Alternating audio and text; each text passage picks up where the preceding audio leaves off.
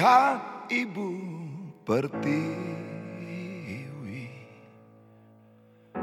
sedang bersusah hati. Air matanya berlinang, mas intannya terkenang. Shalom Bapak Ibu Saudara sekalian, kita patut bersyukur pada hari ini kita masih dianugerahkan nafas kehidupan oleh Tuhan dan kita bisa merayakan kebaikan Tuhan, kesetiaan Tuhan di dalam perjalanan kehidupan bangsa kita, bangsa Indonesia selama 75 tahun. Kita sangat bersyukur hari ini bangsa Indonesia masih utuh, Sekalipun perjalanannya tidak selalu mudah di tengah adanya usaha-usaha untuk memecah belah bangsa kita. Bapak Ibu Saudara sekalian, hari ini saya mengajak kita untuk merenungkan satu bagian Alkitab dari kitab Yeremia pasal 29 ayat yang ketujuh. Dengarkanlah firman Tuhan. Usahakanlah kesejahteraan kota ke mana kamu aku buang, dan berdoalah untuk kota itu kepada Tuhan, sebab kesejahteraannya adalah kesejahteraanmu. Yang berbahagia ialah mereka yang mendengarkan firman Allah dan memeliharanya. Haleluya. Bapak Ibu Saudara, hari ini kita memperingati Hari Kemerdekaan Republik Indonesia yang ke-75. Sekalipun negara kita adalah negara muslim terbesar di dunia, tetapi secara historis, sejak permulaan berdirinya negara ini, orang-orang Kristen turut serta berpartisipasi di dalamnya. Sebutlah seorang negarawan, seorang tokoh beragama Kristen bernama Yohanes Leimena. Yohanes Leimena terlibat di dalam mempersiapkan Kongres Pemuda Indonesia pada tanggal 28 Oktober 1928 yang lalu kemudian melahirkan Sumpah Pemuda yang adalah cikal bakal berdirinya Negara Kesatuan Republik Indonesia. Kemudian dalam perjalanan hidup selanjutnya, beberapa kali berulang kali, berkali-kali, Yohanes Lemena menjadi menteri selama puluhan tahun.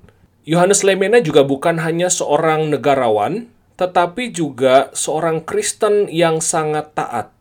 Salah satu pandangan yang terkenal dari beliau adalah Buat Leimena, politik itu bukanlah alat kekuasaan, tetapi etika untuk melayani.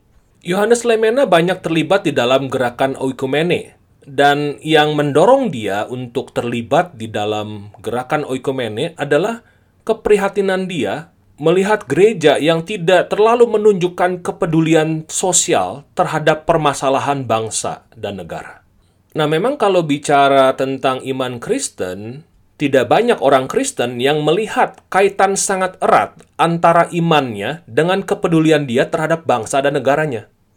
Kalau bicara tentang iman Kristen, maka kebanyakan orang Kristen berpikir tentang sorga dan berpikir tentang saya. Bicara tentang iman adalah bicara tentang kehidupan di sorga, keselamatan nanti, dan berbicara tentang saya.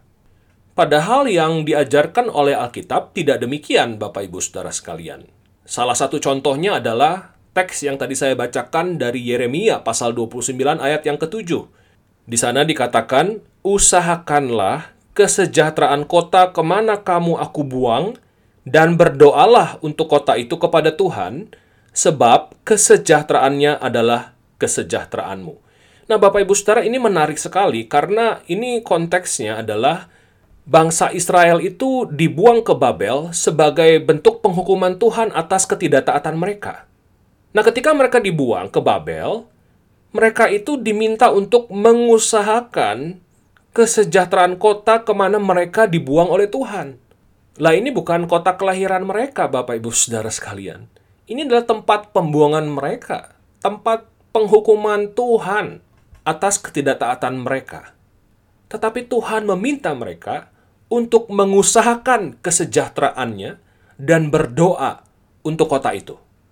Nah, Bapak Ibu Saudara sekalian, saya pikir perintah ini selaras dengan janji Tuhan kepada keturunan Abraham, Ishak, dan Yakub bahwa melalui mereka lah bangsa-bangsa di dunia ini akan diberkati. Mereka akan menjadi berkat, termasuk di tempat pembuangan mereka. Mereka harus jadi berkat. Nah, Bapak Ibu Saudara sekalian, demikian juga dengan kita. Ketika Tuhan menempatkan setiap kita di Indonesia, lahir di Indonesia, dibesarkan di Indonesia, inilah tanah air kita. Tuhan ingin supaya kita mengusahakan kesejahteraan kota tempat kita tinggal, kesejahteraan bangsa dan negara tempat kita berada, dan berdoa untuknya. Kepedulian terhadap bangsa dan negara adalah bagian penting dari iman kita kepada Tuhan. Tentu tidak setiap kita dipanggil untuk menjadi seperti Yohanes Lemena yang menjadi tokoh nasional, menjadi menteri, menjadi politikus. Tidak semua kita dipanggil menjadi seperti Lemena, Bapak Ibu Saudara. Tetapi setiap kita di dalam kapasitas kita masing-masing dalam peran sekecil apa pun, kita dipanggil untuk turut mengupayakan kesejahteraan Kota Bogor, kesejahteraan Jawa Barat, kesejahteraan bangsa Indonesia. Bangsa dan negara kita ini banyak sekali masalahnya, Bapak Ibu Saudara sekalian. Sangat banyak pergumulannya. Kita sekarang sedang menghadapi pandemi. Saya termasuk salah satu orang yang sangat kecewa dengan cara pemerintah menangani pandemi ini. Mungkin ada di antara Bapak Ibu Saudara juga yang merasa demikian. Tapi daripada terus-menerus kecewa akan sesuatu yang di luar kendali kita, kita sepatutnya bertanya, upaya apa saja yang bisa saya lakukan untuk turut mengendalikan wabah COVID-19?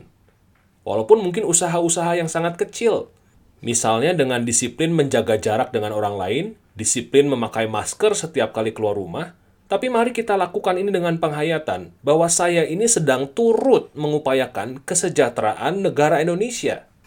Itu salah satu contoh masalah yang sedang kita hadapi bersama sebagai bangsa dan negara. Belum lagi masalah-masalah lainnya, masalah korupsi, masalah kemiskinan, ketidakadilan, masalah diskriminasi.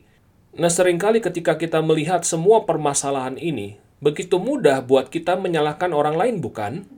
Wah, korupsi, pemerintahnya nih korup banget.